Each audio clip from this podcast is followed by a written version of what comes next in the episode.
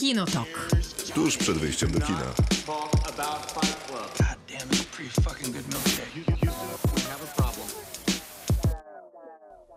Krzysztof Majewski, Miłosława Bożek. Maciej Stasierski. Maciej Stasierski. Jestem? jesteś, jesteś, Jesteś, ale dobrze. Stasierski. Dzień dobry, dobry wieczór, to jest Kinotok, czyli program o filmach i serialach. Dwie godziny o nich będziemy rozmawiać. Dzisiaj oczywiście w festiwalowym nastroju, jak y, nastroje, uśmiechnięci, pełni emocji. Mhm. Tak, tak, oczywiście. Takie bywają Nowe Horyzonty i American Film Festival. Te emocje bywają różne. O tych emocjach będziemy trochę opowiadać i nimi się dzielić. I wy też będziecie się dzielić w cyklu w robocie, gdzie pytamy o filmy albo seriale, albo sceny z jakimś konkretnym motywem. Tym razem pytamy wspomnienia z seansów. Mogą być to festiwalowe seanse, mogą być to zwykłe seanse, ale takie, które dla was z jakichś powodów ważne. Takich głosów się trochę pojawiło, więc sobie je przypomnimy i też przypomnimy sobie swoje momenty. Później będziemy recenzować jeszcze film i będziemy się dzielić wrażeniami z serialu, serialu Król. Jeszcze wymienimy każde po filmie prosto z festiwalowej puli łączonej. To jest akurat kłamstwo, bo być może ja wymienię film, ale wy nie. Nie, ja, ja również film wymienię, zważywszy na to, że obejrzałem ich całe cztery. No czyli- to ja się postaram zamknąć dwóch. No, brawo, brawo. Czyli dobre podejście mamy. E, A na koniec zajmiemy się filmem Misja Greyhound e, z Tomem Hanksem, który długo pałętał się gdzieś po odmętach internetu, żeby trafić w końcu do jakiejś, którą mamy w Polsce. Trafił na Apple TV. To zapraszamy. Kinotok. Film. A dzisiaj rozmawiamy o wspomnieniach filmowych, serialowych raczej nie, chyba że ktoś zobaczył serial w kinie i ma jakieś ciepłe wspomnienie związane z kinem. A rozmawiamy akurat o wspomnieniach z kina, z seansów najróżniejszych, dlatego że trwają dwa festiwale, American Film Festival, do tego jeszcze Nowe Horyzonty, to festiwale połączone z uwagi oczywiście na pandemię trwają razem online, a przy okazji kina są w fatalnej sytuacji, więc przypominamy chociażby o platformie Moje. Aktualnie są zamknięte, Zamknięte. nawet. Mówię, że są w fatalnej sytuacji. I są zamknięte też. Tak, też są Więc zamknięte. To co, tym bardziej są w fatalnej sytuacji. To prawda, dlatego przypominam o platformie mojeekino.pl. To jest platforma sieci kin studyjnych i lokalnych. Tak się składa, że to jest ten portal, na który mamy taką prośbę, żeby zajrzeć raz. Mamy taką prośbę do innych ludzi, którzy lubią kino, ponieważ e, te wszystkie e, zagraniczne giganty i polskie giganty to sobie poradzą. Natomiast e, sieć kin studyjnych i lokalnych i kina w tej sieci mogą sobie nie poradzić, a to jest najprostszy i najprzyjemniejszy, mam wrażenie, sposób wspierania tej A poza tym sieci. tam też chyba nie tylko filmy, bo też czasem prelekcje są jakieś Mhm. puszczane Tak. na moje kino. Ostatnio były chyba nawet jakieś konkursy na te prelekcje, więc, więc też można posłuchać jakichś ekspertów, którzy o filmie rozmawiają. To też jest zawsze rozwijające. Jasne, do czego zapraszamy. A skoro ogłoszenia mamy za sobą, to możemy zająć się e, samym e, w robocie. No to słuchajcie, czy jak wymyśliliśmy sobie ten temat, bo w sumie o tym jakoś dłużej nie rozmawialiśmy poza anteną i przygotowując się do rozmowy, to mieliście od razu w głowie jakieś takie silne wspomnienia związane z kinem jakimś, czy Ja się najpierw w ogóle zafiksowałam, że to musi być festiwalowe i na szczęście później sobie odpuściłam i stwierdziłam, że to może być seans. Pokazuje się, że Jest festiwalowych... łatwiej, tak? Seans? Tak, jest mi łatwiej seans niż e, podpinać się pod jakiś festiwal i tak trochę z determinacją szukać, Jezu, jakiś ważny, ważny pokaz, który mnie tak wzruszył, to miałam trochę problem. A z drugiej strony właśnie nie chciałam popadać w taką patent, e, wiecie, taka trochę patetyzm, ale też tandetę, że lata temu pamiętam, jak w kinie odkryłam swoją miłość do kina. Se- Seans Popiół i Diament. Aż tak starzy nie jesteśmy.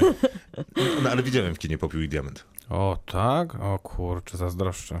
Na Polish Cinema for Beginners, tak a propos. To pozdrawiamy.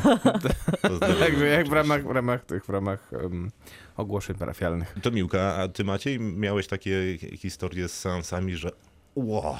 No ja będę o tym pewnie trochę opowiadał, bo... Ja tylko pytam, czy masz. Za, mam. Okej, dziękuję. Tak się składa, że ja też mam, zarówno z seansami, zarówno z konkretnymi kinami, jak i z festiwalem Lami, nawet bym powiedział. I mają też ci, którzy pisali do nas, że takie wspomnienia wśród nich są. I na przykład Paulina pisze tak. I w ogóle tych historii jest mniej niż zazwyczaj filmów, o które pytamy, ale wszystkie te historie są naprawdę znakomite. Mój pierwszy seans w życiu. Król Lew w kinie Kijów w Krakowie. Filmu zupełnie nie pamiętałam do momentu, kiedy go ponownie obejrzałam. Natomiast pamiętam ogrom emocji i że płakałam.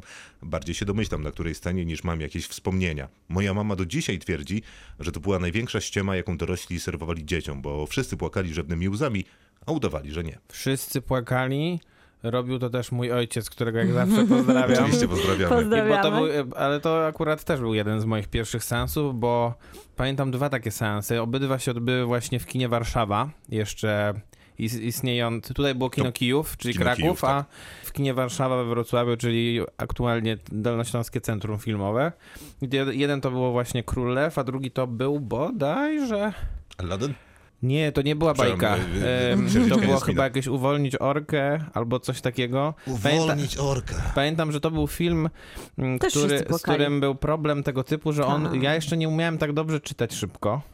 Ojciec czytał mi napisy Och, wspaniale. i wszyscy słuchali naokoło. I to był naprawdę ciekawy seans. I nie mieli pretensji do niego w ogóle, więc naprawdę chyba było miło. Nie, to jest w ogóle super, jeżeli są dzieci i jest lektor na żywo, bo tak się składa, że Dokładnie, więc zdarzyło mój mi się ojciec był nim. ze dwa razy zrobić coś takiego w kinie, zresztą wspomnianym kinie Warszawa i dzieci są w ogóle przezachwycone. Jak im się pokazuje na koniec, że o tam, tam, obok tego światełka siedzi gość, który wam to czytał, to one nie wierzą. I to jest super. W każdym razie, Sylwia mm, pisze tak. Film będzie głośno. Pokazywany przedpremierowo przy okazji Wrocławskiego Festiwalu Gitarowego w 2009 roku. Akurat w listopadzie. Impreza mało kinowa, ale do samego filmu pozostał ogromny sentyment. Szkoda, że ciężko go dzisiaj znaleźć. A Sylwii ten film oczywiście znaleźliśmy. Ale też ładne wspomnienie, Bardzo. Że akurat gitarowy rekord Guinnessa i w listopadzie film oglądać. Bo tylko nie, w listopadzie zawsze jest ten rekordowy, rekord Guinnessa, a nie jakoś w maju? wydawało, że cieplej jest w wtedy. czerwcu chyba, więc dziwi mnie ten listopad trochę, ale może z jakichś No. powodów był przesunięty, wiesz, nie tylko pandemia przesuwa e, daty różnych rzeczy. Tylko mówi, jak zawsze bierze udział w naszych dyskusjach i pisze tak, na pierwsze wspólne obchody urodzin mojej dziewczyny, którą serdecznie pozdrawiam, no to my też, wynająłem dla niej salę w kinie, zresztą jeszcze zobaczymy, czy ją pozdrawiamy, czy to dobre filmy są i dobre wspomnienie. Niej... Wynajął salę, to już, to już, Już jest, jest to już na jakby propsie. pozdrawiamy. Już No 10 na już, 10. Już na pewno pozdrawiamy. w kinie Femina w Warszawie, gdzie dzisiaj znajduje się znany sklep spożywczy z owadem w nazwie. Była przekonana, że wybieramy się na minionki rozrabiają, ale zamiast tego na ekranie pojawia się moja wielka twarz, składająca nieudolnie życzenia, a później poleciał jej ukochany pamiętnik. Pan kinooperator, któremu wcześniej Wspaniałe. przekazałem płytę z filmem, o mały włos wszystkiego nie zepsuł, gdy zaczął do mnie zagadywać przed wejściem na seans. Czy to zaręczyny? Czy to zaręczyny? Udałem, że go nie znam. Na szczęście szybko się zorientował, że to niespodzianka i stwierdził, że mnie z kimś pomylił, a dalsza część planu przebiegła już bez zakłóceń. A, czyli dobrze Pięknie. zagrał jednak. To dobrze zagrał. Y, Tak. Pan pan, operator. pan operator. Pozdrawiamy. Tak, tak, pana Tak, opera- również. Wszystkich pozdrawiamy, tak. Ale faktycznie jest to niezłe. Naprawdę ładna historia. Dobrze zagrane. Ale faktycznie brakuje mi tutaj jakiejś historii Zaręczyn. z pierścionkiem, a to No, pierwsze urodziny być. wspólne. No teraz wynajmie cały kompleks kinowy na zaręczyny. A, no dokładnie. Wiesz. Rafa pisze tak, nigdy nie zapomnę mojej delegacji w Barcelonie, kiedy miałem czas wybrać się do kina przy... Będziesz musiał mi Maciej poma- pomagać momentami. e. Jako specjalista od A, hiszpańskiego. myślałem, że ten, że to, że Paseo de Gracia. Pięknie. Tak? Na pewno, dziękuję. na pewno pięknie. Budynek, który niegdyś najpewniej był teatrem z przepiękną salą projekcyjną, oldschoolową kasą budką przy wejściu, żywcem wyjętą z amerykańskich filmów oraz starszym jegomościem w płaszczu i kapeluszu kasującym bilety. Bez wątpienia najpiękniejsze kino, w jakim byłem. Powagi całej tej wizycie odebrał jednak fakt, że nie zwróciłem uwagi, że film, na który się wybrałem, czyli Tajemnica Filomeny, jest wyświetlany z dubbingiem, co akurat w Hiszpanii jest dość powszechne. Tak, to prawda, to jest trudne rzeczywiście, żeby znaleźć film po hiszpańsku w Hiszpanii. Próbowałem ostatnio w Madrycie i znalazłem tylko koty, więc się nie wybrałem w końcu. I tak źle, i tak źle. Na szczęście mówię po hiszpańsku, choć A. pewnie nie władam nim tak biegle jak Maciej Stasierski. Brawo, brawo, brawo. Jestem, jestem o tym przekonany, e, ale zanim przyzwyczaiłem się do Judy Dench mówiącej w języku Cervantesa, na ekranie zdążyły się już wyświetlić napisy końcowe. Nie polecam. Judy Dench po hiszpańsku? To musi być ciężkie jednak Trudne przeżycie. doświadczenie. Ale nie dziwię się, że je zapamiętał. Ale Judy Ale Dench, to która dobry film przecież akurat, szkoda jest trochę. tak znakomita właśnie w tym, jak mówi i co mówi, jak używa języka, A mówiąca w tym jeszcze inaczej mówi, bo dubbingiem. mówi ten, bo mówi z takim irlandzkim trochę akcentem I to by w miało Tajemnicy sens. Filomeny. Tylko z takim polskim, starym, dobrym dubbingiem z telewizji, W sensie czyli z lektorem. Tak jest. Wtedy by się nie schował ten prawdziwy głos Judy Dench. To się w ogóle cieka- ciekawie łączy, bo chyba już wszyscy wiedzą o tym, że jesteśmy takim trochę ewenementem razem z Rosją, Ukrainą, powiedzmy, z tym lektorem. A... Ja myślałem, że powiesz, że jesteśmy ewenementem, Że że, lubimy. jesteśmy, że fanami jesteśmy Judy Dench. To akurat chyba nie jest ewenement na skalę światową w żaden sposób. Tam nie wiem, kto nie lubi Judy Dench, tak, tak jest chyba pojmowanie tej postaci. Tak, ale na pewno go też nie lubimy wtedy, jak go jej nie lubi. To, to zdecydowanie. Piotr, i to będzie ostatnie wspomnienie, pisze. Dawno, dawno temu, kiedy NH nazywało się jeszcze ENH, Kumpel pracujący przy obsłudze wolontariackiej zabrał mnie na mój pierwszy festiwalowy seans. Od tego momentu wiedziałem, każdy fragment lata chciałbym spędzić na ustawianiu krzeseł w horyzontalnym kinie plenerowym, co i faktycznie się stało. Wspomnień z kolejnych edycji mam mrowie, ale w serduszku na zawsze pozostaną. Epickie bitwy o rezerwację miejsca podczas seansów Kła i Enter the Void to Nowe Horyzonty. Obie przegrane kolejki oczekujących były większe niż na zabiegi w NFZ. Pierwszy usłyszany syk na nocnym szaleństwie. Ci, którzy Wiadomo. rozumieją, to Wiadomo. rozumieją. E, Innym wytłumaczymy w prywatnych wiadomościach. E, A puszczali wtedy Reefer Madness. Ja nie pamiętam takiego filmu, ale nawet jak obejrzę jakiś film na nocnym szaleństwie, to nie zawsze pamiętam. Oglądanie Mulholland Drive o poranku przy niemal pustej sali to akurat American Film Festival, wspaniałe przeżycie i wrażenie prywatnego seansu. Pierwsze wyjścia z projekcji w czasie trwania wyświetlania na American Film Festivalu. Cóż, sekcja On the Edge nie jest dla każdego. Prawda? Nie jest.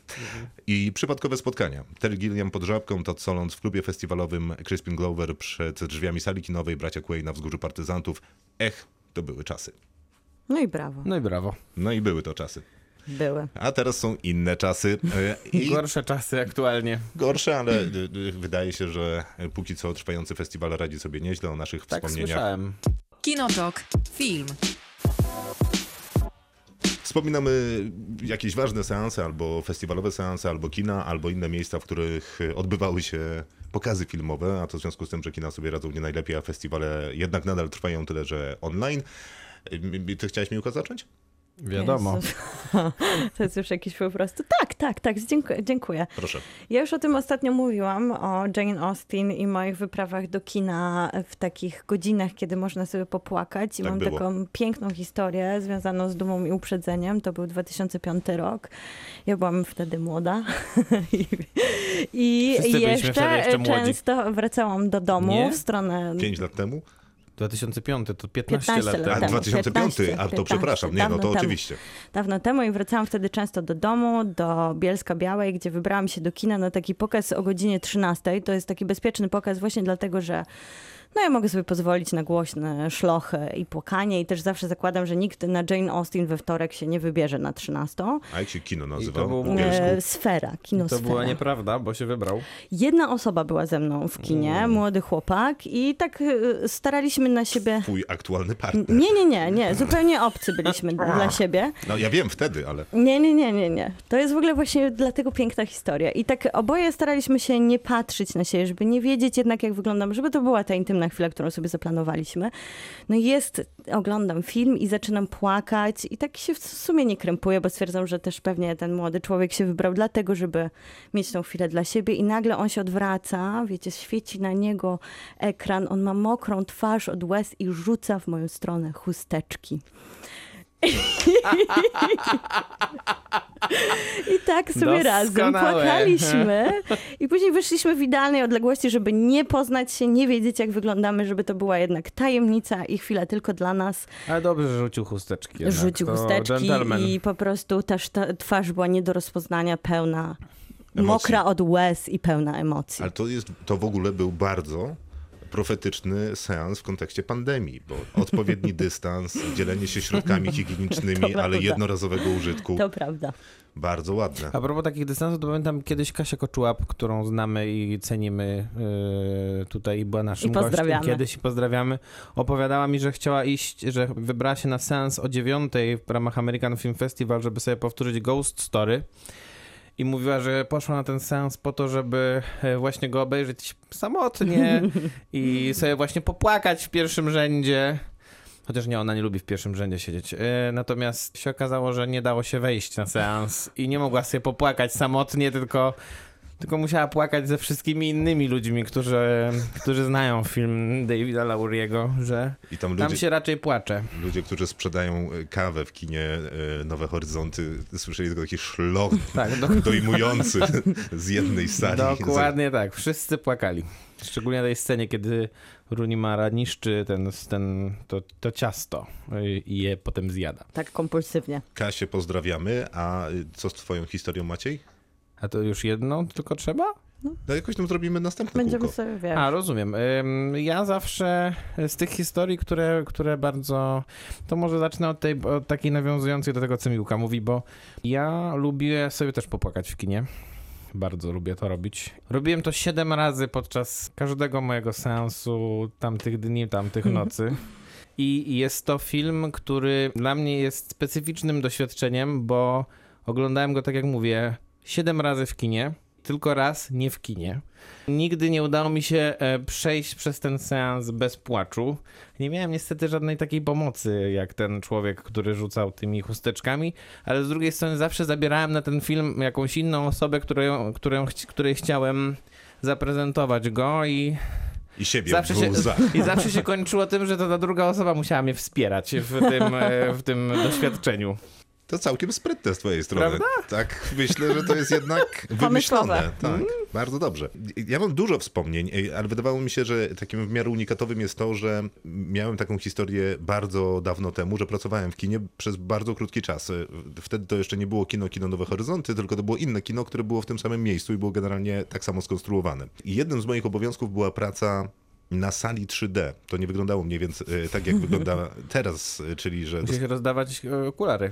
Mało tego, że musiałem je rozdawać, musiałem też pilnować, żeby nikt z nimi nie wyszedł, A, musiał się zbierać. czyli no tak, żeby innymi słowy ich nie ukradł, tak, bo teraz rozdają po prostu i można zabrać. czy kupujesz sobie. Znaczy, to, no tak, w ramach biletu się kupuje, tak, a wtedy trzeba było zabierać. W dodatku myłem te okulary. Do okularów Wow. 3D pierwszych była specjalna zmywarka i specjalna technika mycia tych okularów. Piekło, Cóż, cóż za praca. piekło po prostu. Ale największym problemem tego siedzenia w kinie i oglądania, znaczy dbania o te okulary było to, że no, trzeba było być na seansie. I niby super praca, no bo 5 minut przed seansem, 7 minut po seansie, no i tam dwie godziny seansu i to jest twoja robota, pieniądze lecą, więc niby nie najgorzej. Problem robił się wtedy, kiedy film był długo wyświetlany, a na tej sali 3D był wyświetlany mniej więcej tyle co na IMAXie, czyli powiedzmy około miesiąca. No Jak pracowałeś intensywnie i dużo dostawałeś tych zmian na sali 3D, to efekt był taki, że film Piorun, który serdecznie polecam, świetna animacja, widziałem 33 razy i nigdy w życiu innego filmu nie widziałem tak wiele razy jak filmu Piorun. Znam go na pamięć, tu mam marker i mogę na ścianie na, spisać cały scenariusz.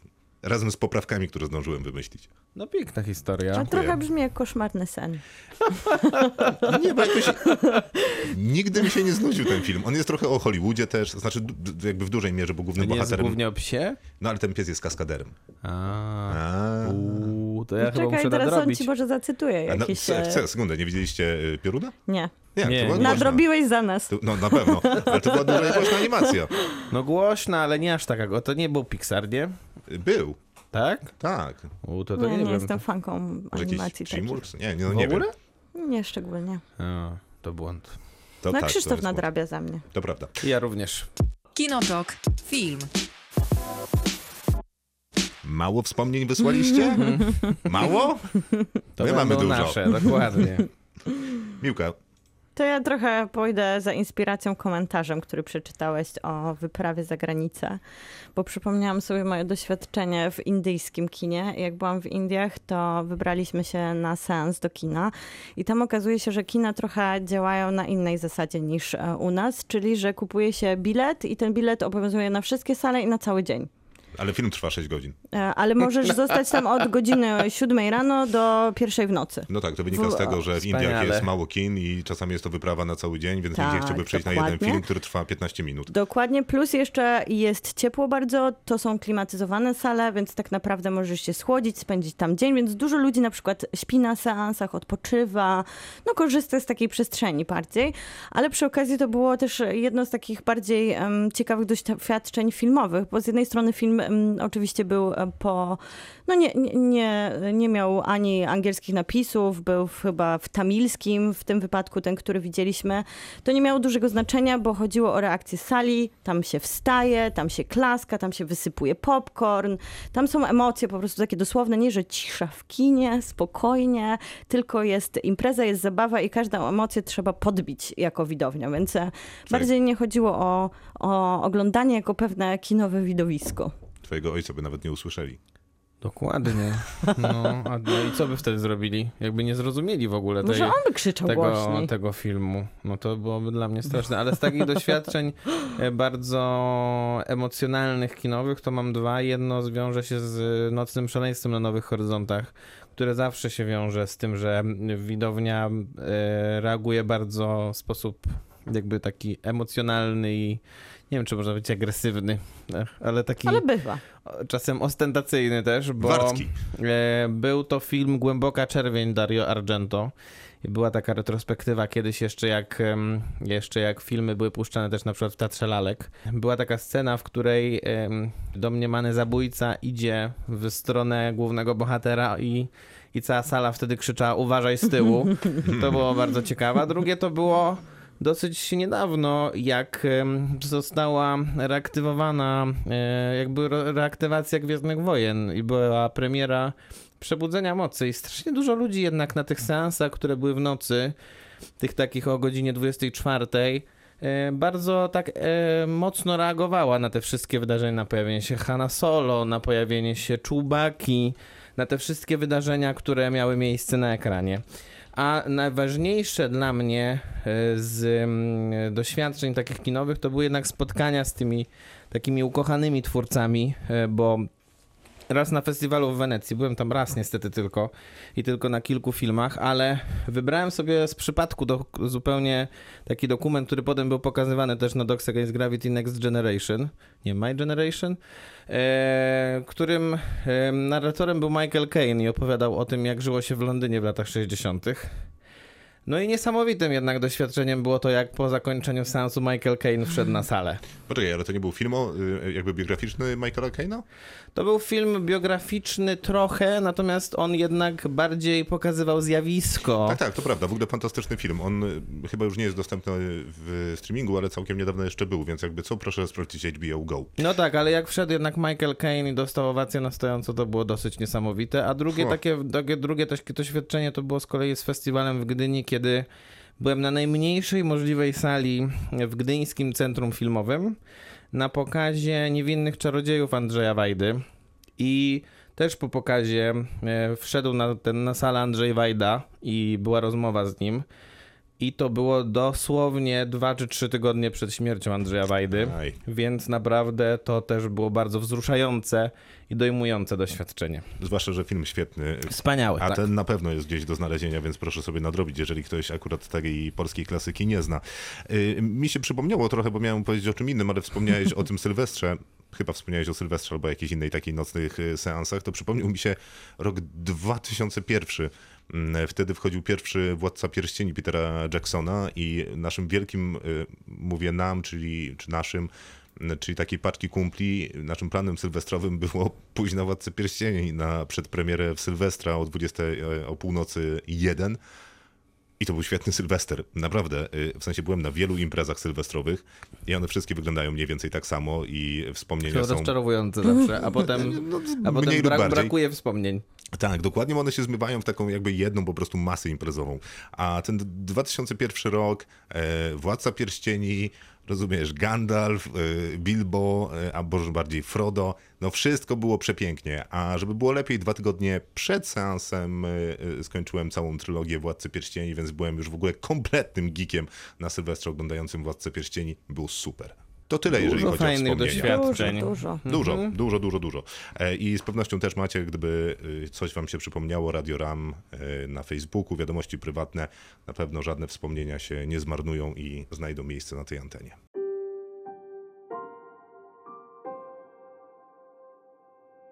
Czas na Nowe Horyzonty i American Film Festival Online. Dwa festiwale połączone po zmianie terminu. Jesteśmy bliżej terminu American Film Festivalu niż Nowych Horyzontów. Rzecz odbywa się online. Nieliczne seanse w kinie miały się odbyć. Odbyła się tylko część, ponieważ kina zostały zamknięte w trakcie trwania A festiwalu. ja byłem na dwóch aż A ja też. I było spoko. Też mi się podobało. Znaczy w połowie mi się podobało. A rozumiem, że byłeś też na Almodowarze. Byłem na krótkometrażowym filmie y, Pedro Almodovara. Ciekawa rzecz, bo faktycznie nie No zgadzają właśnie się... nie. Nie, nie, ciekawa rzecz, z paru powodów, znaczy w zasadzie z jednego, bo nie zgadzają się dystrybutorzy i producenci na pokazy online tego filmu, więc nie możemy go zobaczyć na platformie.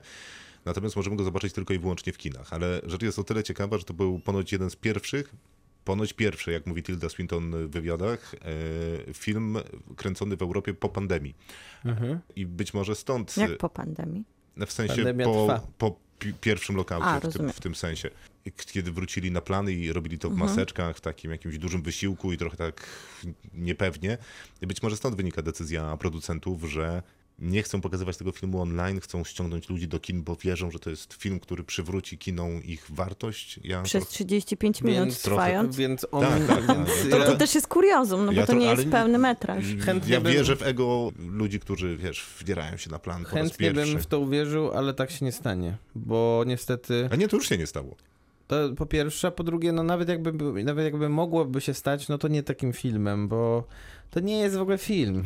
O tym będziemy jeszcze rozmawiać w sumie, e, a będziemy rozmawiać o Nowych Horyzontach w kontekście tego, co udało się zobaczyć, co warto zobaczyć, co zobaczyliśmy i jesteśmy w stanie polecić, co zapowiada się świetnie. Będziemy o tym rozmawiać krótko, więc też bez jakiegoś specjalnego lęku. Na początek chciałbym was spytać o wasze doświadczenia nowej formuły festiwalu. Trochę przeżywaliśmy to przy okazji Dogs Against Gravity i było bardzo przyzwoicie i bardzo fajnie. Jak jest teraz? Ja nie miałam żadnych problemów, chociaż czytam na Nowe Horyzonty po godzinach, że ludzie się tam zmagają z jakimiś Ale technicznymi nieliczne. Ale bardzo nielicznie i mnie spotkały same przyjemne sytuacje, czyli wszystko płynnie działa, jestem bardzo zadowolona z playera. Narzekam na małe napisy, bo jestem, e, no ja jestem trochę ślepawa i je, jednak te napisy na takich większych nośnikach, jeżeli to nie jest ekran mojego komputera, Ale nauka już rozwiązała ten problem. Na, jest na Nauka- na, jest na nosie y, y, Maćka, możesz podejrzeć. dalej wydaje mi się, że troszkę To są za okulary, jakby ktoś się, się ten miał wątpliwości. Co Tak, nie binokle, ani o lornetka. Ani Ale monocyk. chciałam też powiedzieć coś, co wielu ludzi może nie wiedzieć, o tym, że festiwal się kończy Monok, e, nie monocykl. 15... Monocykl to jest jakby coś chyba z rowerem, nie? Tak ciężko, żebyś miał to na nosie. Festiwal się kończy 15 listopada, ale filmy możemy oglądać przez 48 godzin od momentu, kiedy je Tak, klikniemy. więc jak sobie wykupimy jeszcze To filmy trwa do 15, 17. to możemy do Więc 17 to jest oglądać. taka tak jest. wiadomość, którą może wiele osób przeoczyło, co też daje takie pozytywne dwa dodatkowe dni, no na jednak sporą pulę Sporo możliwą. jest chyba jeszcze tych filmów też i sporo jest chyba miejsc tych online na te filmy, dlatego bardzo mało filmów zostało już wykupionych Trzy w tylko całości. w tym momencie w sumie. Je, między innymi na Rauszu, film, który Tak. miał zamykać ten festiwal i który, który mieliśmy też recenzować, jak miał już być w kinach, bo e, wyglądało na to, że e, jako, że Dania wysłała ten film już na Oscary i on jest prawdopodobnie jednym z głównych faworytów Oscarów, film nieanglojęzyczny, film Thomasa Winterberga z, z Mikkelsenem. Mikkelsenem w roli głównej. No ale już jest wykupiony. No myślę, że to świadczy o tym, że rzeczywiście e, też to, co się mówi o tym filmie, pewnie jest prawdą. Bo mówi się tylko dobrze i mówi się o tym, że być może Mats Mikkelsen w końcu też dostanie swoją własną indywidualną nominację do Oscara. Wybitny europejski aktor, który myślę, że zasługuje na to bardzo, bardzo mocno. To jest ciekawe, bo ten Dobra. film jeszcze nie miał tak naprawdę tej festiwalowej dystrybucji, ponieważ e, jest tylko parę tytułów, które ma te widełki od godziny do godziny w konkretne dni i na Tak. Rauszu właśnie takim filmem jest. Oprócz tego nie ma pierwszej krowy, która się już wysprzedała jako taki hit festiwalowy i To czarny, bardzo dobrze, to rewelacyjny film. Czarny Niedźwiedź dzisiaj wrócił z pulą, którą Już go nie ma. E, ale o, no to. Ale bardzo się postarali tutaj, postarali organizatorzy, żeby przywrócić e, Organizatorom tą... oddać, że biletów. faktycznie robią dobrą robotę. Jeżeli widzą, że któryś film jakoś wyjątkowo dobrze sobie radzi, jest super popularny, a się kończą te miejsca, które przewidzieli, to starają się i robią bardzo Ale dużo, zrobili też katorżniczą robotę. tych miejsc było jednak tyle, ile się da. Zrobili też katorżniczą robotę, jeśli chodzi o mm, programowanie samego festiwalu, bo myślę, że myślę, że wykup jednak licencji online, a wykup licencji do kina jest y, zupełnie inną parą kaloszy. A mm, te filmy, szczególnie z festiwalu berlińskiego, bo w tym roku rzeczywiście najwięcej tych filmów z festiwalu berlińskiego się tutaj pojawia. Berlin Alexanderplatz, Dał Natasza, te filmy, które były nagrodzane w Berlinie przez jury pod przewodnictwem Pierwsza Jeremy, krowa. Jeremy Ironsa czy ten film, e, który wygrał Mohameda Rusalufa, to to są te wszystkie filmy, które mm, tutaj też premierowo będzie się oglądało, więc, więc jest to pewnego rodzaju wydarzenie, ale ja myślę, że e, dotychczas przynajmniej z tych filmów, które ja widziałem, to zdecydowanie największym wydarzeniem jest Sweat Magnusa Van Horna, który jest znakomitym filmem. i- Przybyłbym, z, tobą piątkę, natomiast nie da się tego zrobić, bo dzieli nas plexiglas. Dokładnie, który e, niestety Był do pokazywania tylko i wyłącznie na pokazach w kinie. I prawdopodobnie przez to też e, zostanie, zostanie usunięty z konkursu w Gdyni, gdyż e, też w Gdynia, która w tym roku w całości online chciała, 8, 12 grudnia. chciała ten film pokazywać, ale nie może. Czas na wrażenia, polecenia, ale głównie polecenia festiwalowe. Y, No to jak zawsze, Miłka? To ja bardzo polecam w sobotę jeszcze do zobaczenia właśnie w tym slocie od godziny do godziny, 14 listopada od godziny 18 do 22. Bilety są dostępne. Gunda Wiktora Kosakowskiego. To jest no, niesamowity dokument. Reżyser sam się, jak sam twierdzi o sobie, jest pierwszym wegetarianinem ZSRR. I nie pokazuje takiego filmu, do którego trochę nas przyzwyczaiło takie kino dokumentalne walczące pro-zwierzęce, czyli dosyć e, dużo z krwi, uboju, brutalności, bo tak samo jak reżyser uważa, ja też e, nie mogę się z tym nie zgodzić, że ta śmierć i brutalność na ekranie zwykle nie działają, a odstręczają ludzi i mają zupełnie przeciwne działanie do edukacyjnego. Tutaj opowiadam, tutaj e, oglądamy taką siel, sielankę i historię tak naprawdę świń, krów i kur, chociaż te świnie to jest e, główna historia, z takiej wręcz wyidealizowanej, sielankowej opowieści na wsi. One są na takiej dosyć otwartej farmie, chociaż są to zwierzęta hodowlane. Bardzo taka wizualnie przepiękna, wręcz taka doprowadzona do perfekcji opowieść. Pewnie, jeszcze czarno-białe, więc plus 10 do Dokładnie artyzmu. czarne-białe. Ale to brzmi- Wszystko jest takie wy, perfekcyjne wręcz. A to brzmi jak mikrokosmos y, trochę, ten film o insektach. Y, Troszkę tak, tylko ma trochę inną tezę, bo mamy dwa takie brutalne momenty, które nie są nachalne, ale są bardzo życiowe, gdzie bardziej uświadamiamy sobie, że bohaterka, która jest świnią, jest matką niż zwierzęciem, Okej, więc to są takie generalnie zwierzęta. niesamowite Mhm. doświadczenia. To jest ten też moment, w którym oglądając film w domu, bardzo żałuję, że, bo to jest e, film na duży ekran, ale ja wpadłam w histerię pod koniec i e, w, naprawdę unosiłam się takim dramatycznym płaczem, chociaż wywodzę się z rodziny działaczy ekologicznych i takie filmy e, naprawdę mam za sobą i to takie poważne właśnie te, które uważam, że nie mają tego nośnika edukacyjnego, które raczej zostawiają ból i cierpienie, które nas od dala od tematu. To jest film, który powinien pokazywany być wszędzie i wszystkim i na pewno, no na pewno nie zmieni stosunku do ludzi do jedzenia mięsa, ale wprowadzi refleksję i taką samoświadomość tego. Nazywa się? Gunda e, w sobotę do zobaczenia. Maciej? Ja chciałem polecać film Mariusza Wilczyńskiego. E, al, e, zabij to i jak to? Jak Zabij to i wyjedź z tego miasta. Dziękuję, ale nie chcę go polecać jednak, gdyż e, ten film mnie strasznie wymęczył, dlatego mm, będę polecał film mojego ulubionego europejskiego reżysera François Ozona. E, Lato 85. Jest to... jeden problem z tym filmem. Mianowicie? Nie da się go już obejrzeć. Nie Naprawdę? da się? A jeszcze Mhm. dzisiaj był do wykupienia. Nie, przed sekundą sprawdzałem. A, O, to przykro mi bardzo, bo Ale powiedz dwa słowa, bo ja jeszcze się upewnię i już tu jestem. Mówię dwa słowa, więc e, jest, nie jest to najlepszy film François Ozona, bo jest to takie leciutkie kino, którym on trochę wraca jakby do swoich korzeni bardziej. Szczególnie po takim ciężkim filmie o pedofilii w kościele Dzięki Bogu zeszłego roku. To jest zupełna zmiana tematu i zmiana klimatu, bo to jest takie coming of age trochę, mm, e, trochę bardziej w stylu właśnie, nie wiem, tamtych dni, tamtych nocy, bo tutaj też są kwestie pierwszej miłości, jest to miłość nie heteronormatywna. To dwóch chłopaków, którzy generalnie mają taki road trip. Dokładnie, nie, road trip to, to, to tak wygląda to na, na tym, na, Na plakacie. plakacie. natomiast film opowiada o życiu w takim małym miasteczku, w którym oni obaj pracują w sklepie z materiałami y, wędkarskimi. Czyli takie trudne coming of age. Dokładnie, ale... Żeby po angielsku Ale opisywać film francuski film. rzeczywiście, rzeczywiście bardzo taki cieplutki i myślę, że myślę, że powinien jednak na to nasze cie- skołatane serca związane między innymi z pogodą i z sytuacją na zewnątrz y, wylać trochę nadziei i takiego, i takiego spokoju też.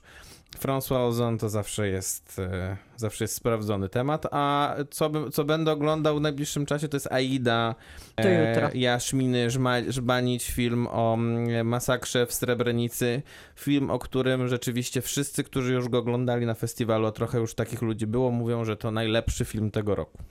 Wszystko prawda.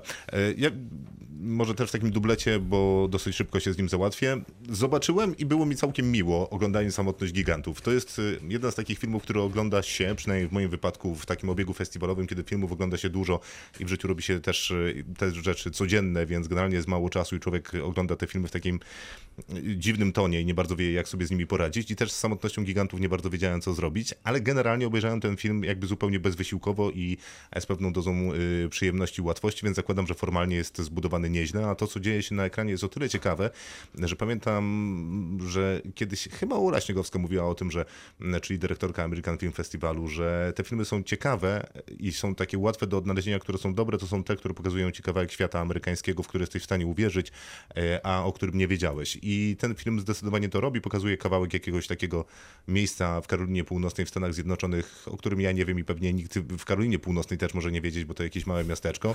Mają swoją drużynę bejsbolową, która nazywa się Giganci. Jest tam dwóch y, zdolnych i obiecujących bejsbolistów, młodych chłopaków, którzy nieźle sobie radzą z bejsbolem, ale świetnie radzą sobie też ze wszystkim, co ich otacza. Mam tu na myśli jakieś takie seksualne historie, bo generalnie y, y, sypiają z każdym i w każdej możliwej konfiguracji.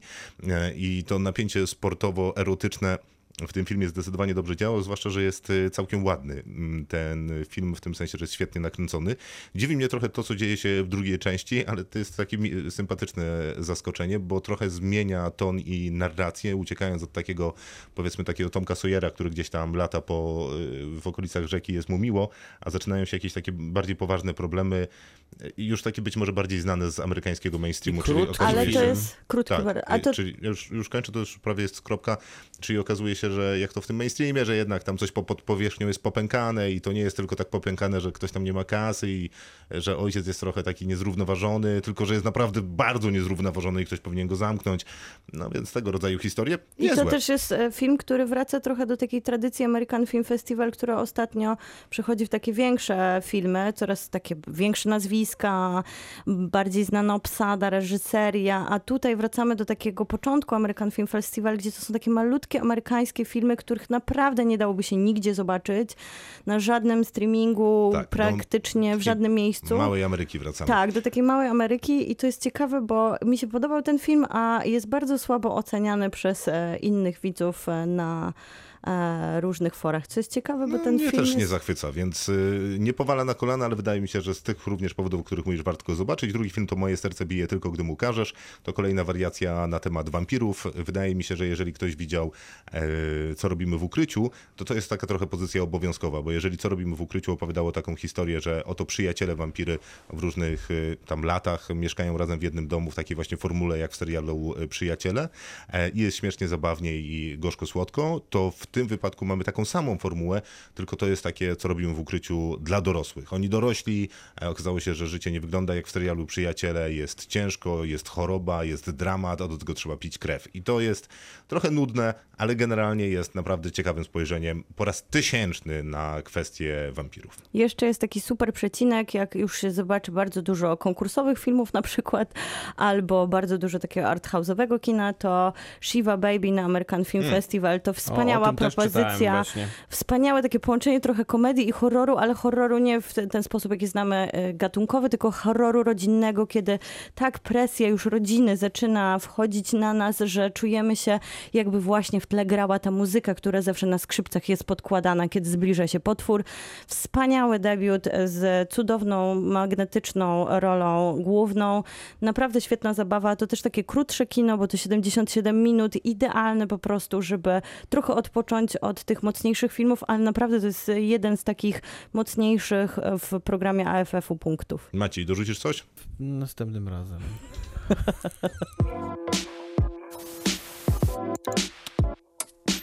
Kinotok.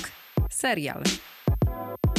Czas na serial. Dzisiaj rozmawiamy krótko, bo tylko po pierwszym odcinku o serialu, o którym mówili wszyscy i pewnie też słyszeliście i widzieliście. Nazywa się Król trafił na Kanal Plus.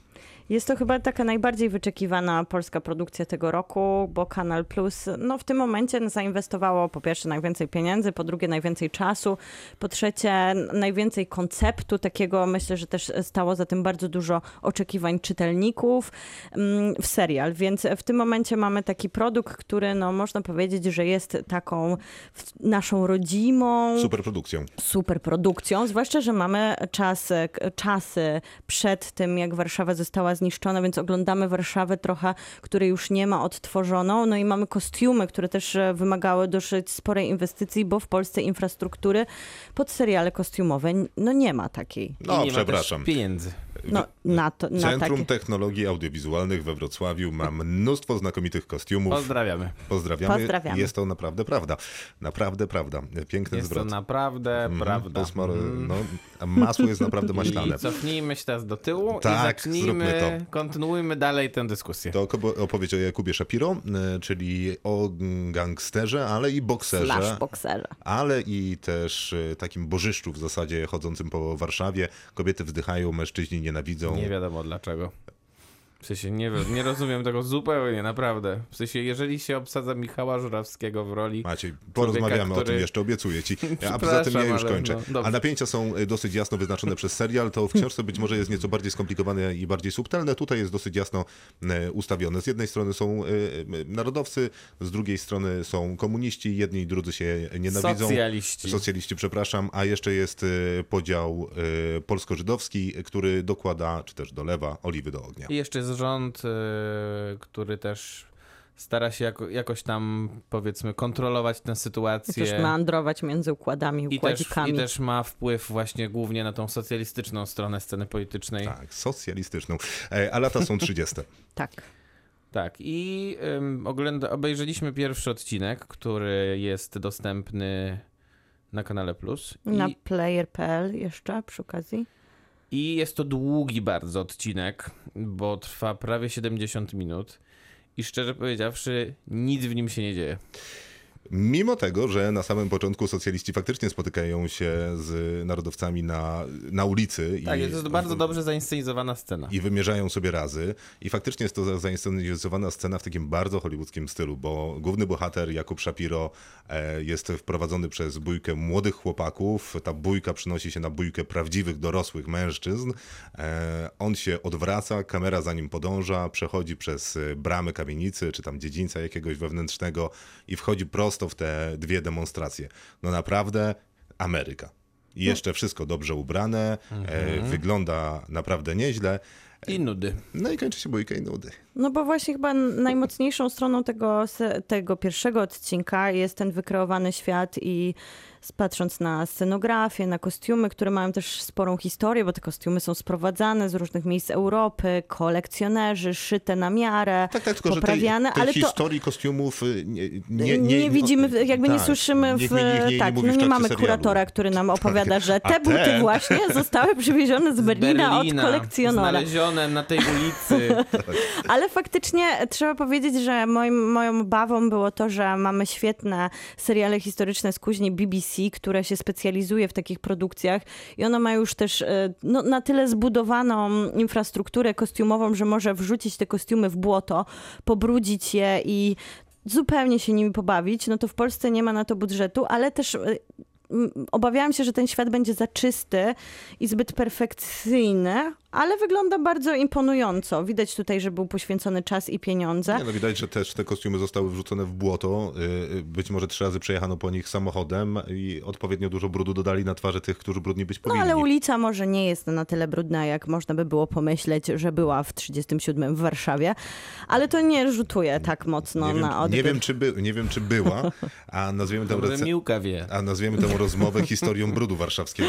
Ale ym, też problematyczne jest chyba ocenianie tego pierwszego odcinka jako jeden odcinek, bo jako, jako nasza opinia o serialu, przynajmniej moja, bo wydaje mi się, że pierwsze odcinki mają zwykle ten problem pilotażowy, że jeszcze nie poznaliśmy tych bohaterów, oni są ledwo co nam zarysowani, ten świat Tylko- dopiero się przed nami otwiera, więc my do końca nie jesteśmy tacy was- zafascynowani, bardziej Tak. zagubieni. Że Ta niektóre tempo światy jeszcze są nie jest... fascynujące, jak się do nich wchodzi, a niektóre nie. Dokładnie prawda. tak, bo z drugiej strony mamy przykłady seriali, o których rozmawialiśmy w tym miesiącu, jakby zakończonym miesiącu, które od samego początku nas e, łapały za gardło i nie odpuszczały do ostatniego odcinka sezonu, a mm, przy takim otwarciu, jakie jest tutaj, ja nie chcę się jakoś bardzo e, pastwić nad tym serialem, bo myślę, że Jan Matuszyński ma niesamowity talent i e, bardzo duże czucie też właśnie wizualne. Dobrze współpracuje z operatorem, który ewidentnie ma też, e, ma też jakąś smykałkę i chętnie pewnie by się przeniósł do Hollywoodu już, bo bo, mm, bo jest to operator, który nakręcił mu ostatnią rodzinę, a wcześniej na przykład nakręcił hardcore disco, więc, więc zmysł wizualny posiada niesamowity. Y, No ale problem jest taki, że nie ma tutaj za bardzo w co się zaangażować, przynajmniej na razie. I mowa jest tutaj nie tylko o fabule, której za bardzo też nie ma, y, ale też o bohaterach, ym, bo ani ten główny bohater grany przez Michała Żurawskiego nie jest zbyt interesujący. On się bardziej przechadza po ekranie. Y, Jeżeli ktoś tutaj jakiekolwiek wrażenie robi, no to pewnie Arek Jakubik, ale to też nie jest taka jakaś rola, która by, którą by w jakiś sposób on zaskoczył. No nie, ale y, to, to, że Arek Jakubik potrafi i udowodnił Wiadomo, to wcześniej. potrafi. To wiadomo, że potrafi i udowodnił to wcześniej, no ale to jakby niczego nie odbiera postaci, y, którą w serialu gra, bo to jest faktycznie dobrze wygrane i to jest postać, za którą podążać można, która od razu przywołuje mi postać z Ślepnąc od świateł, y, która w zasadzie jest bardzo podobna, to też jest taki jakby szef szefów, y, trochę taki niezrównoważony, y, ten jest taki... To jest taki jeszcze bardziej, taki bardziej cyniczny jednak, taki bardziej jednak poukładany. Tak, ale jednocześnie tak samo bezwzględny w osiąganiu swoich Ale taki celów. chyba dobrze za, zainwestowany dobrze. w taki amerykański obraz gangstera, który znamy z takich filmów gangsterskich. No to tutaj widać, że to jest taka postać inspirowana, która niesie tłumy, która No Dla mnie właśnie... niesamowite było to, że jednak jest on pewnego rodzaju też przywódcą politycznym ruchu robotniczego, a wychodzi, a wy, wygląda na takiego e, a- absolutnego burżuja, który, który chodzi w najjaśniejszym garniturze i najjaśniejszym Ale płaszczu wtedy jest najciekawszy, nie? Oczywiście, Właśnie że kiedy, tak. kiedy y, gra przywódcę ruchu robotniczego, Kiedy jest a tak, nie tak kiedy bardzo jest fałszywy, prawda? Tak, wtedy jest idealny. I wydaje mi się, że jeżeli serial zdecyduje się eksplorować tę część bardziej, czego moim zdaniem w książce nie robiono, to się działo jakby w międzysłowiu, to trzeba tu pokazać, ktoś musi to powiedzieć lub zagrać, e, to będzie to bardzo ciekawe. Natomiast faktycznym problemem są inni aktorzy, bo tworzy nam się już taka grupa bohaterów, których będziemy mieli e, przez cały serial i z którymi będziemy sobie No niestety jednym z radzić. nich prawdopodobnie będzie Januszek grany przez Borysa Szyca, który, mm, o którym czytałem różnego rodzaju recenzje i wszyscy recenzenci e, e, pieją na temat tej roli Pozytywnie. Borysa Szyca, a ona jest kuriozalnie zła. I nie mogę się nie zgodzić, bo to, to jest niemożliwe. Na, na, na, W sensie nie w dało się nie momentami. śmiać z tego, co tutaj się dzieje na ekranie w postaci Borysa Szyca, który ma być, nie wiem, jakimś ma być jakiś demoniczny? Socjopatą ma być chyba e, Nie, no oczywiście, że ma być socjopatą. socjopatą. Tak, tak. No ale z jednej strony posługuje się takim kaleczonym polskim i niemieckim. Trochę Ali Alo mi się przypomina.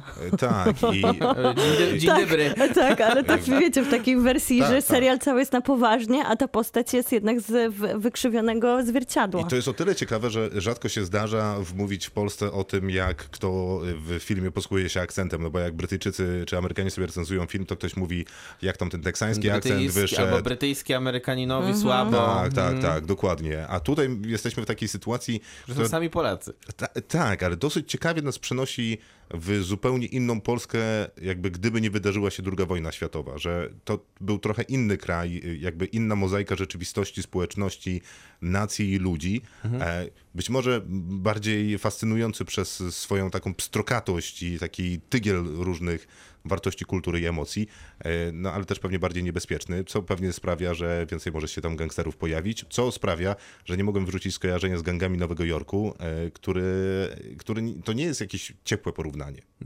Niestety, bo gangi Nowego Jorku nie są e, filmem czy serialem z 2020 roku. Można było jakby pewne No rozwiązania nie, posunąć nie do dalej. końca są też filmem udanym. Nie są, nie Gangi są. Nowego Nie są Jorku. filmem Szczególnie udanym. patrząc na filmografię Martina Scorsese, taki raczej powiedziałbym e, jedna z jego słabszych e, reżyserskich prób niż, niż tych lepszych.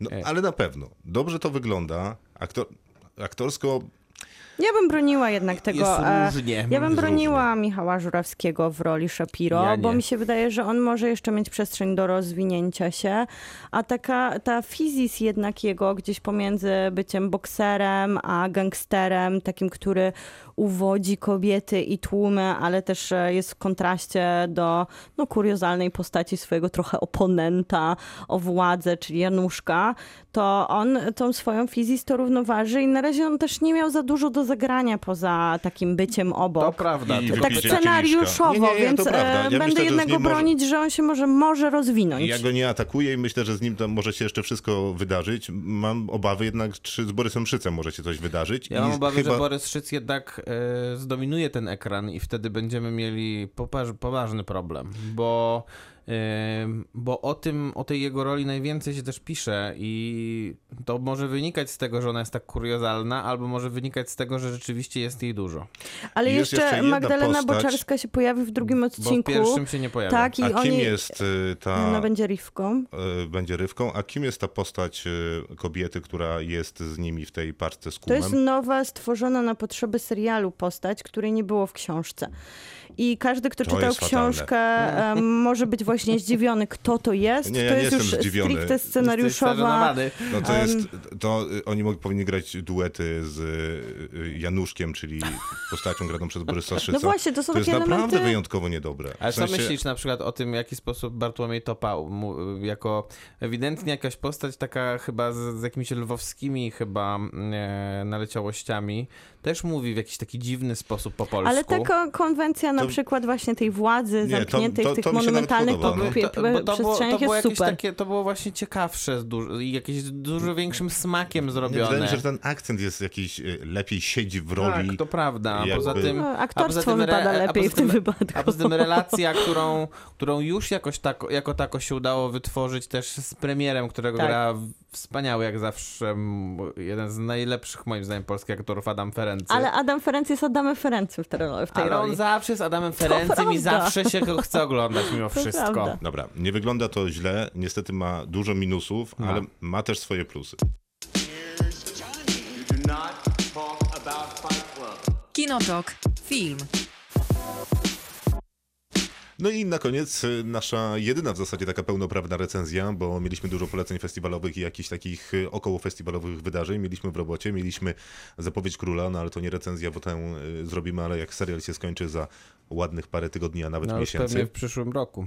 Nie, no chyba skończy. Dwa miesiące, osiem- dwa miesiące, osiem- czy, czy osiem No to, to prawie w przyszłym roku. Pewnie wypadnie coś na święta, więc może i nawet w przyszłym roku.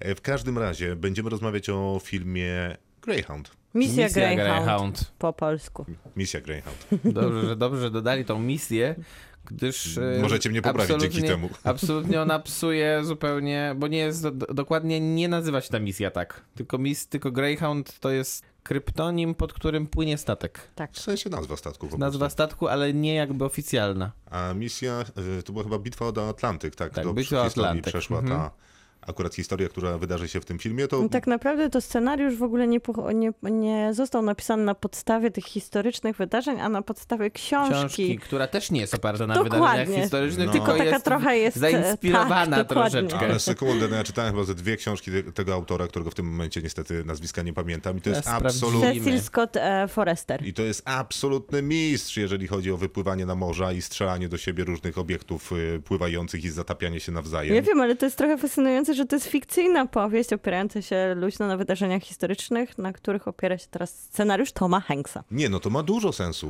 bo skoro człowiek naprawdę jest fachowcem od robienia akurat y, tego, to te jego teksty są jakby trochę gotowcem, więc też nie dziwię się, że akurat Tom Hanks y, A myślisz, jakby że Tom bez Hanks większego też jest doświadczenia. fachowcem? Czy... Dlatego nie dziwię się, że Tom Hanks bez większego doświadczenia w scenopisarstwie zabrał się akurat za coś, co jest takim półgotowcem, nie? No tak, rozumiem. Tylko ciekawe właśnie, tym- czy on też jest wkręcony w ten temat. nie mówmy źle o Tomie Hanksie. Ja nigdy nie. Nigdy, nigdy nie śmie nawet e, takiej... ża- żartuję oczywiście. E, Jak W dobie upadających autorytetów jakiś trzeba mieć. Tak, tak, tak. Tom Hanks będzie ostatnim, e, który się obroni przed jakimikolwiek e, zarzutami. E, Historia jest dosyć prosta, bo faktycznie mamy tę bitwę o Atlantyk. To wygląda mniej więcej tak, że ze Stanów Zjednoczonych albo z Wielkiej Brytanii, generalnie z Europy do Stanów Zjednoczonych w jedną i drugą stronę pływają są statki różne, towarowe, z żołnierzami, z zaopatrzeniem dla jednego lub drugiego kraju. Problem polega na tym, I że... pływają też statki, które je eskortują. Dokładnie. Tak, e, a eskortują je dlatego, że zasięg lotnictwa e, z- jakby z obu stron sięga tylko do kawałka trasy i w środku jest jakby dziura bez ochrony lotniczej, więc trzeba się bronić tylko wodą. Bronić się przed niemieckimi łodziami podwodnymi, czy które znamy świetnie, myślę, mieszkając tu, gdzie mieszkamy, czyli przed ubotami. I faktycznie te watachy wilków, ubotów e, były super skuteczne w czasie i I wojny światowej, i II wojny światowej. E, Jeszcze wczoraj zaglądałem na Wikipedię, żeby popatrzeć, jakie są te przeliczniki.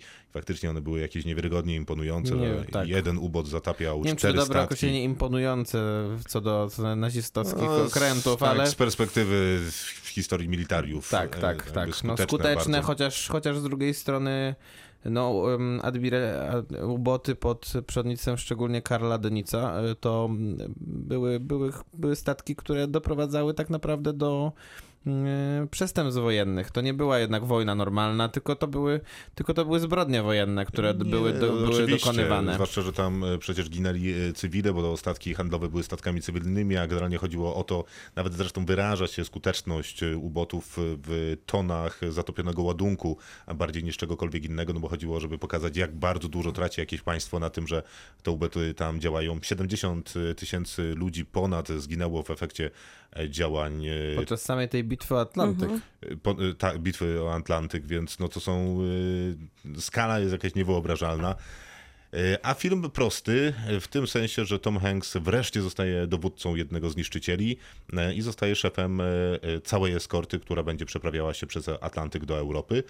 No i zadanie ma jedno, no nie dopuścić do tego, żeby uboty zniszczyły, najlepiej, żeby nie zadały żadnych strat temu konwojowi. No i właśnie taki ten film jest, że tutaj nie ma za bardzo przestrzeni na rozwinięcie postaci. Dostajemy tylko taki rzut, bardzo szybkie takie spojrzenie na bohatera granego przez e, Toma Hanksa, żeby minimalnie zbudować mu osobowość, poza tym, że jest po prostu dowódcą, więc jest taka, taka, taka scenka wprowadzająca, że to czuły katolik, że, Wierzący że kocha, bardzo. Mhm. tak, i, i od razu przenosimy się już w centrum no. akcji.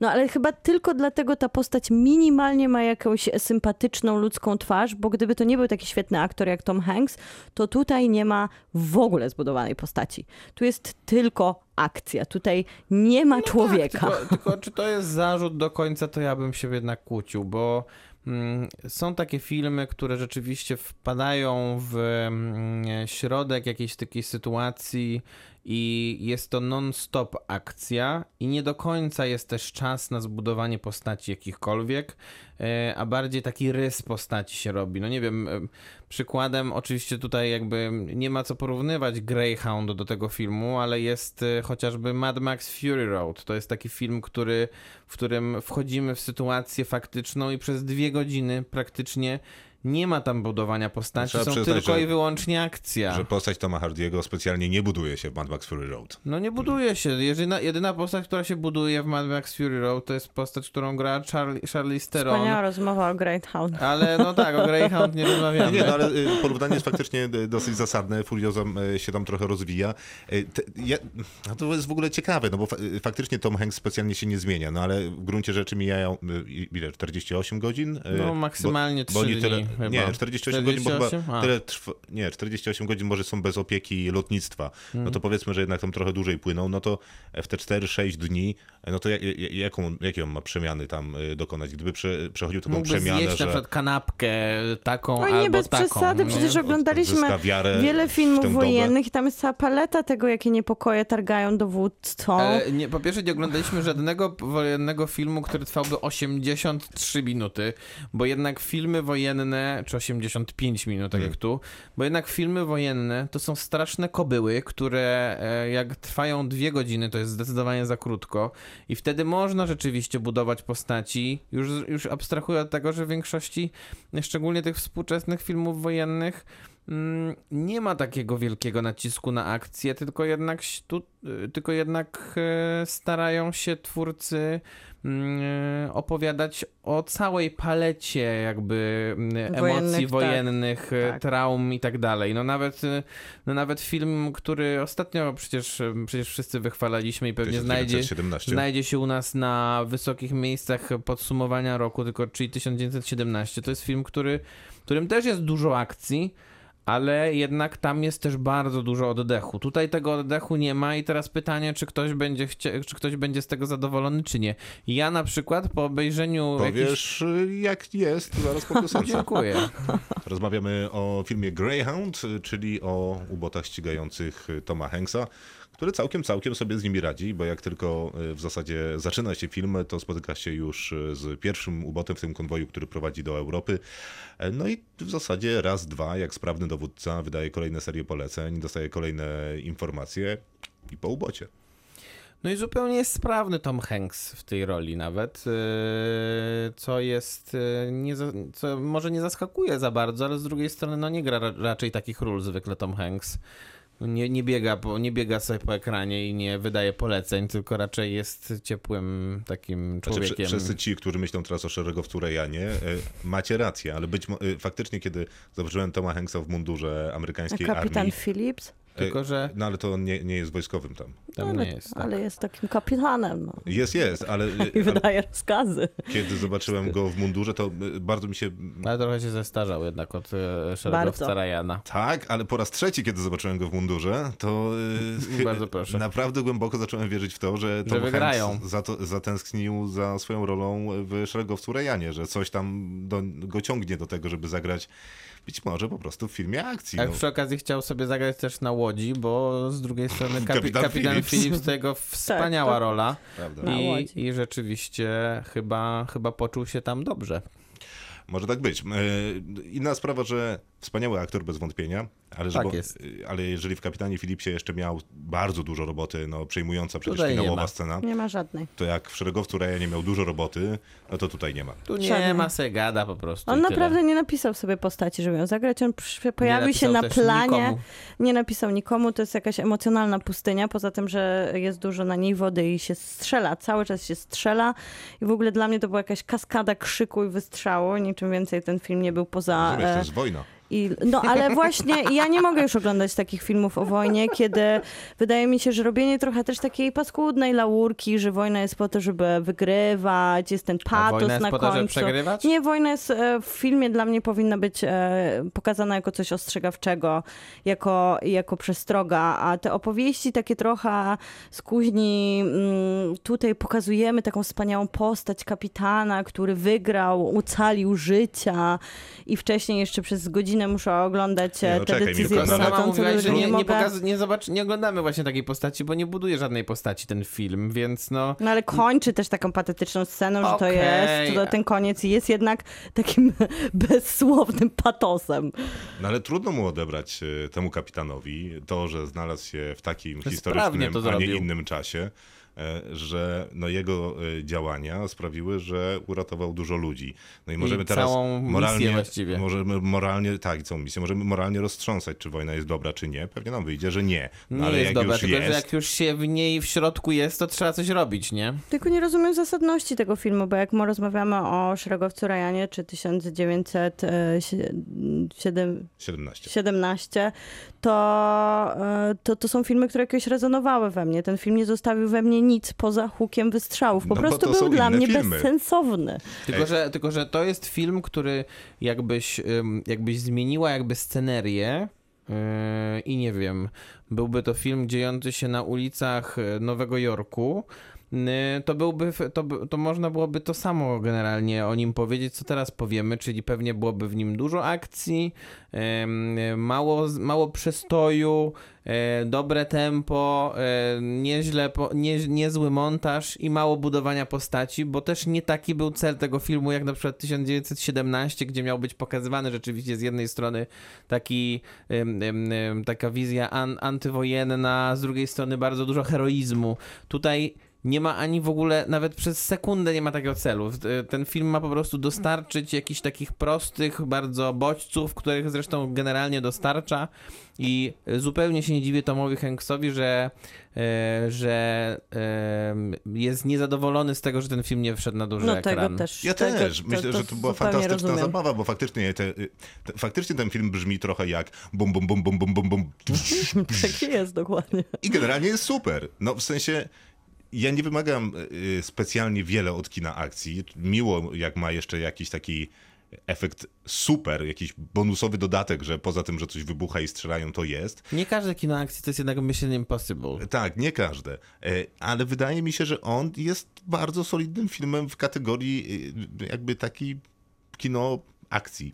No właśnie, może to kino. Taki kino popcorn dodałoby kino. mu dużo plusu, a No ale tam jednak... wiesz, ja tam, tam oddech y, ledwo łapię, y, ty, No tyle się tam dzieje, więc na ten oczywiście. popcorn nie ma czasu. A jeżeli mówicie, że nie ma tam postaci, mi się wydaje, że Hanks może faktycznie pomyślał sobie ten scenariusz w ten sposób, że on ma y, postać zbudowaną z tych wszystkich postaci, które są na mostku, które są jakby takim jednym umysłem, które cały czas komunikują się przez to radio e, Czy 30 postacią jest razy. ten statek.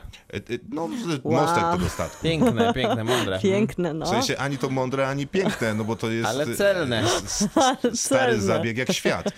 Więc y, no nie jest to znowu takie nie do obronienia i jak chcesz, zmi- jak chcesz, żeby postać zmieniła się na końcu drogi, to statek ma dziurę, no to się zmienił.